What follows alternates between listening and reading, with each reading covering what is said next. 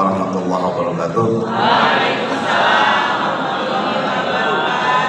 Selamat pagi, salam sejahtera buat kita semua. Om Swastiastu, nama budaya, salam kebajikan, salam. Yang kami hormati Direktur CSR PT Sinar Mas Lem, Mas Rio ya. Kalau saya manggilnya Mas Rio aja, padahal baru kenal. Karena saya kenal dengan CSR BSD itu hanya Mbak Gadis terus. Widih. Selalu dari lama saya dengan Mbak Gadis kenal doang. Kalau Mbak Mas Rio baru.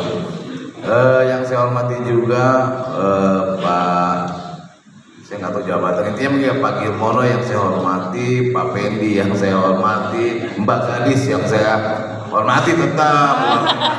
Udah pada nungguin apa? Suka pikirannya omes wae. Eh, dan teman-teman semua yang hadir di sini, wabil khusus sahabat-sahabat saya, guru-guru hebat, para kepala sekolah hebat yang hari ini alhamdulillah semuanya sehat ya. Puji syukur kita panjatkan kehadiran Allah Subhanahu wa taala hari ini alhamdulillah kita semua bisa bersilaturahim. Substansi inti pokok kita kumpul itu adalah silaturahim. Kalau des, disi, diseminasi itu dampak. Dengan berkumpul kita dapat ilmu. Itu adalah manfaat fungsi sos, uh, silaturahim. Alhamdulillah semuanya dalam keadaan sehat walafiat. Salawat serta salam mudah-mudahan dilimpahkan oleh Allah Subhanahu wa taala kepada junjungan kita Nabi besar Muhammad sallallahu alaihi wasallam beserta keluarganya, sahabatnya dan insya Allah pada kita semua selaku umatnya sampai akhir zaman. Amin ya rabbal alamin. Sahabat-sahabat hebat yang saya hormati khususnya dari teman-teman Sinar Maslem saya bangga hari ini hadir bersama teman-teman semua, sahabat-sahabat saya semua yang difasilitasi oleh Sinar Maslem. Yang hadir di sini kita kegiatan apa hari ini? Si diseminasi ya. Siapa yang tahu diseminasi itu apa? Apa? Yang ujung? Diseminasi itu Pak suatu kegiatan yang diberikan kepada kelompok atau individu yang nanti dari kegiatan itu bisa mendapatkan informasi atau ilmu sehingga dari informasi itu nanti bisa uh, menimbulkan kesadaran dan bisa nanti uh, memanfaatkan dari ilmu itu. Tuh, panjang. Jadi garis besarnya diseminasi itu sama dengan atau punya sama dengan sosialisasi. Sama. Cuma dis diseminasi itu lebih keren. Saya setuju. Kalau di pemerintahan sudah tidak ada lagi kegiatan sosialisasi undang-undang, sosialisasi guru nggak ada. Karena ngapain lu sosialisasi melulu? Ngapain lu? Makanya kita pun menyebutnya diseminasi. Ya harus tahu dulu nih. Ulah jangan sampai nih gugus-gugus kadang-kadang sosial sosialisasi Permendikbud, sosialisasi IKM. Jadi kayak sebatas menggugurkan kewajiban saja. Tapi tadi kalau diseminasi itu ada manfaat yang dibawa nanti pada saat setelah bubar kegiatan. Karena bicaranya lebih teknis, bukan hanya cover. Ya maka dari dinas lingkungan hidup. Silakan Kang Haji. Jadi itu yang pertama. Jadi saya hanya ingin memberikan gambaran bahwa uh, kita harus paham dulu. Gua mau ngapain sih?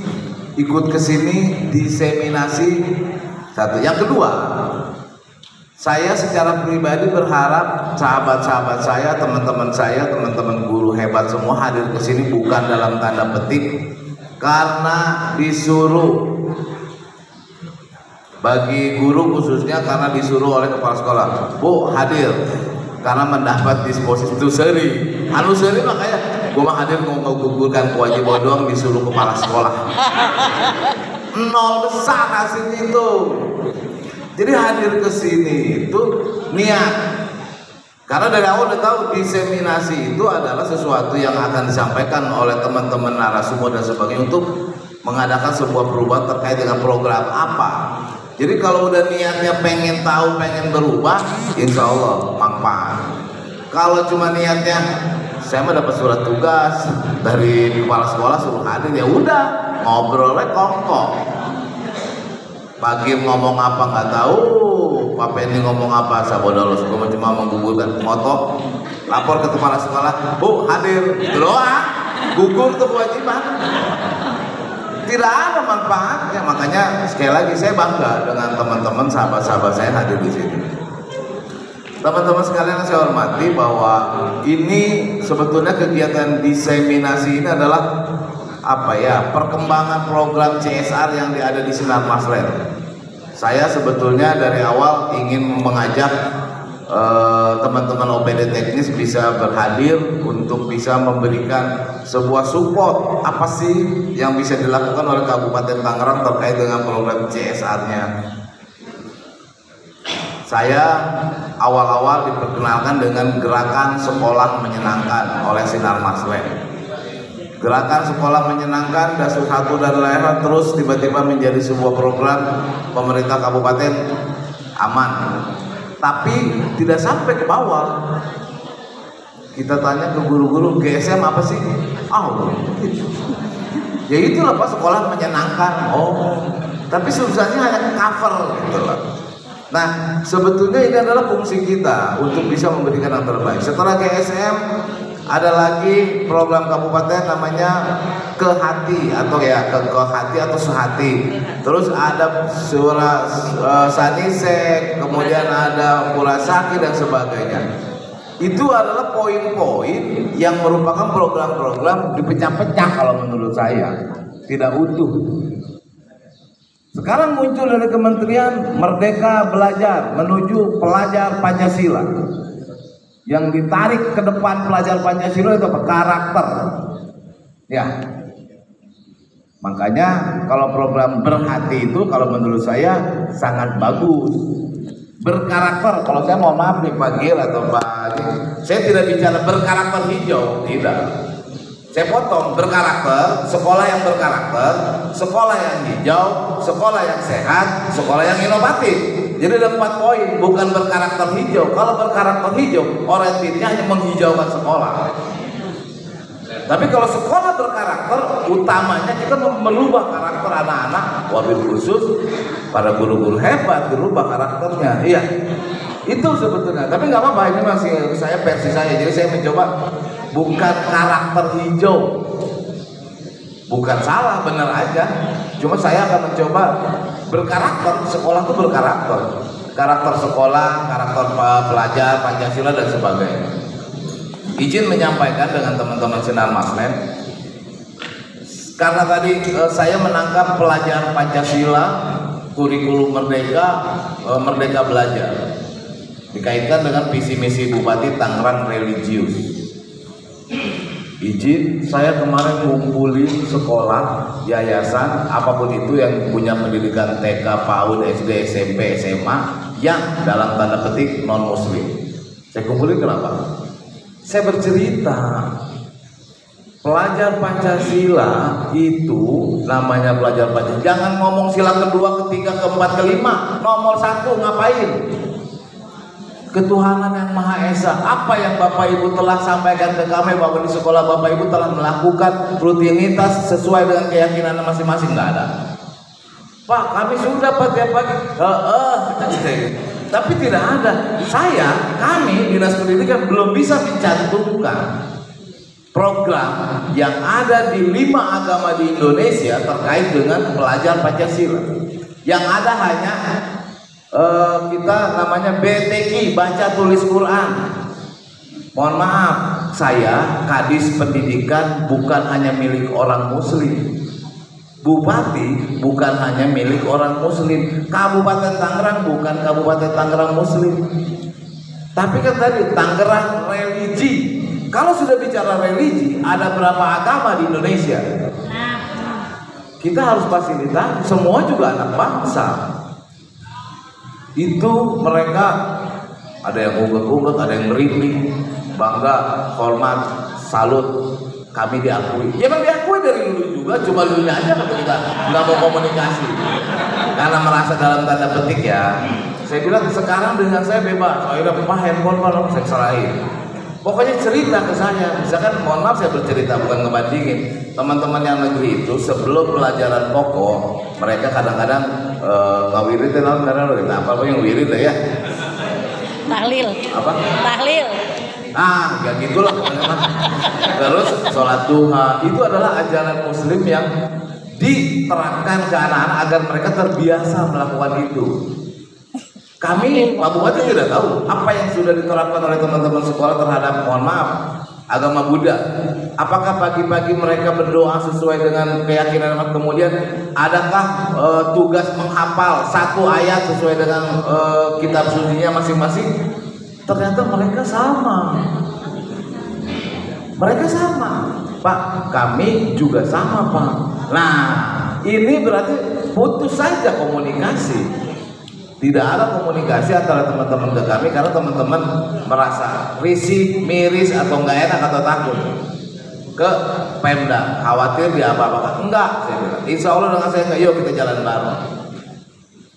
Saya harapkan saya bilang ke mereka ini cerita dulu ya. Saya saya nggak ngerti apa sih itu. Berhati nantilah pagi yang ngejelasin Pak Pendi yang ngejelasin. Saya hanya support aja ke teman-teman semua sahabat-sahabat saya bahwa mereka bisa melakukan itu. Dan akhirnya saya bilang, yuk sama-sama kalau enggak tanggal 2 Mei adalah hari ulang tahun kita semua.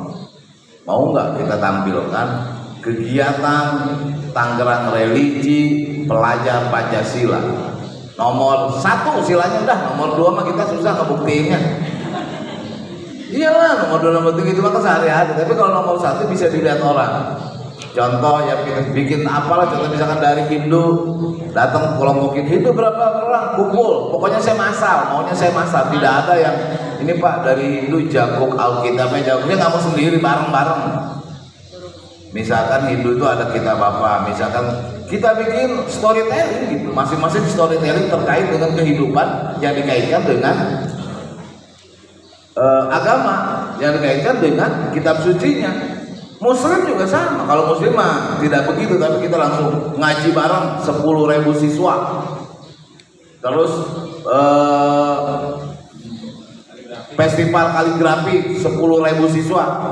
Kita ngeliatin ke orang tua, anaknya anaknya bapak ibu bisa loh ngaji, anaknya bapak ibu bisa loh nulis Al-Quran. Sama saya bilang ke mereka, orang tua mohon maaf nih memasukkan mahal-mahal saya bilang ke Pahoa ke Penabun ke JNY ke Tarakanita.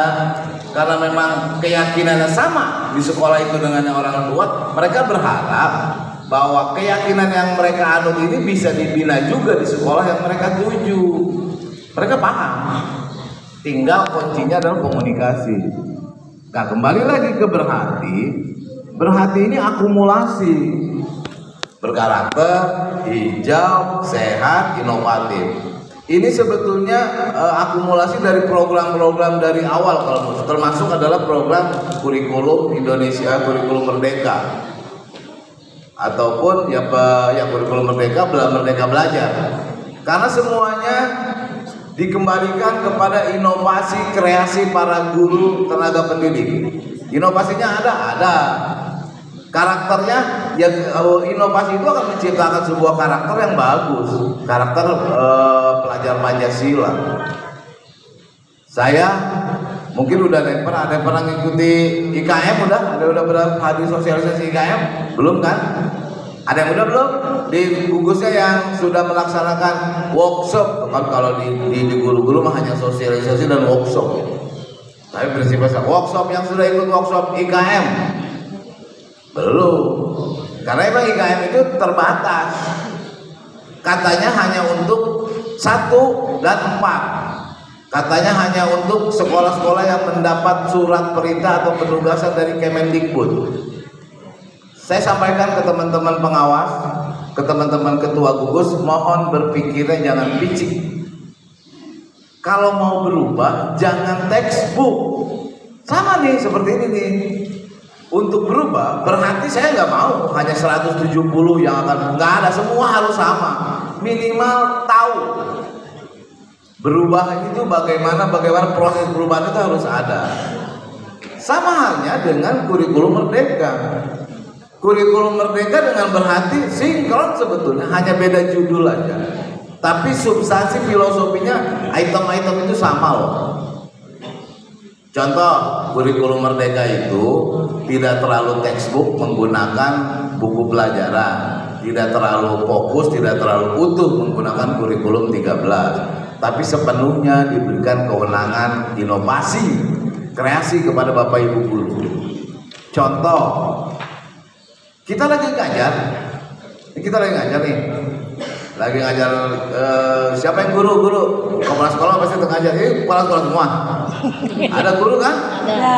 kalau guru lagi ngajar anggaplah lagi ngajar matematika ke anak kelas 4 ke kelas 2 kelas 3 tiba-tiba udara gelap. Dari yang cerah begini gelap. Terus timbul suara guluduk. Guluduk geledek apa itu petir lah Indonesia petirnya. Meledak aja gitu kan pasti anak-anak ada otomatis ada kasar dulu aja biasa lah ya kita berhenti sejenak matematika kita nanya siapa yang tahu suara apa itu jadikan alam sekitar menjadi metode pembelajaran yang hijau juga nanti sama kenapa ini tumbuh Bob, kan adanya bercanda, ada petasan. Kenapa? Jangan dilarang ngomong. Oke, biarkan mereka berpendapat mengeluarkan apa namanya? Apresiasi mereka terhadap telinganya mendengar apa? Sepengetahuan dia. Udah clear semua. Tinggal tanya lagi berbalik. Kenapa disebut bom? Memang bom suaranya kencang iya mau kayak bom. Pernah nggak dengar nggak bom gimana? Ya itu tadi kan bahasa. Nah baru setelah ditanya semua baru kita menyampaikan ini adalah suara dari siapa yang tahu geluduk? Geluduk itu apa bentuknya? Ya begitu dan jadi buat buat sebuah pembelajaran yang sifatnya lingkungan sekitar. Itu satu. Banyak sebetulnya, yang nggak usah tiap hari satu hari dipulkan api. Contoh, lagi belajar juga setelah geluduk selesai, tiba-tiba hujan turun. Itu kan, ger gitu. Oke, ngajar lagi nerusin. Hujan berhenti, lihat dari dari jendela. Nah, sini lihat ke jendela. Kok sekolah kita banjir ya? Siapa yang tahu kenapa sekolah banjir? Karena hujan gede bu, betul. Anak-anak pasti bercerita apa? apa? Berikan mereka inovasi pembelajaran atau minimal bisa mengadopsi atau bisa memprediksi apa yang jadi. Seperti motonya berhati. Saya lihat, saya rasa, saya bisa. Dia kan lihat dulu. Oh ada hujan, ada air menggenang. Ah ini mah karena hujan gede, gitu kan. Kesimpulannya sah-sah aja. Jangan diomongin salah kanan. Ya kan? Ternyata tadi, oke, okay, siapa yang ngomong karena hujan gede? Hujan gede gini-gini, oke. Okay. Bu, itu karena di Solo ke sekolah mampet sampah. Betul. Kita tinggal menyudutkan atau me me lebih memfokuskan kepada hal-hal tentang pembelajaran.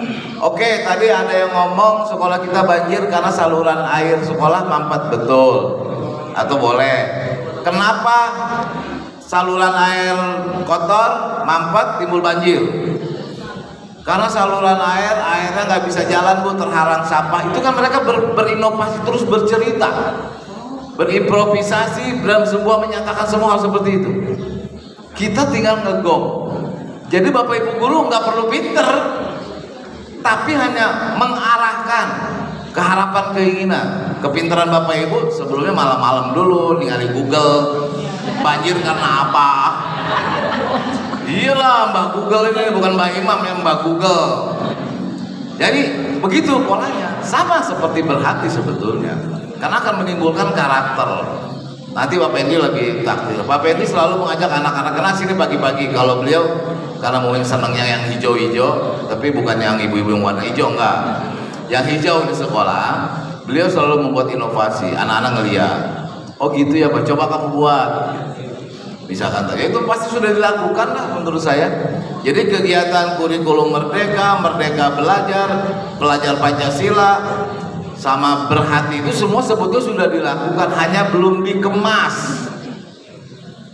Sama halnya kita nih produksi kerupuk solear tak ya ayo tukang kerupuk lain ayah ayah nyaho lagi nyaho sakit sakit sabriknya solear tukang kerupuk itu terkenal loh di Kabupaten Tangerang. Kalau datang ke Kabupaten Tangerang pasti ke Solear bawa kerupuk yang sebungkus segini-gini kan, macam-macam kerupuk. Itu sudah maju sebetulnya, tetapi belum maksimal, belum optimal. Kenapa? Packaging yang belum bagus. Hanya diikat ku tali plastik, rapi warna berem, warna hijau. gitu. Tapi rasa bagus. Tapi secara manajemen pemasaran kurang bagus untuk menarik orang beli kan minimal packaging oh packaging dia naon eh? casing lah gitu nah jika ibu-ibu ibu casing negara rilis iya begitu pantas jadi orang jangan ngelihat isinya enak apa enggak sebodoh lo. Yang penting ih bagus lo. Beli dia. Kalau casingnya nggak bagus isinya eh, bagus juga nggak belum tentu beli. Sama halnya.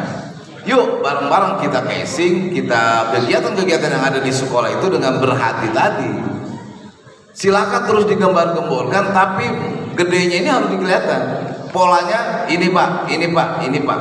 Jadi mereka oh iya menarik berhati itu begitu. Itu sebetulnya manajemen pemasaran. Saya juga dosen yang ngomong ke manajemen pemasaran, padahal nggak ngerti saya. Ya udah nggak apa-apa. Prinsip Bapak Ibu yang saya hormati teman-teman semua, kegiatan ini bagus dari Dinas Lingkungan Hidup. Terima kasih sudah hadir.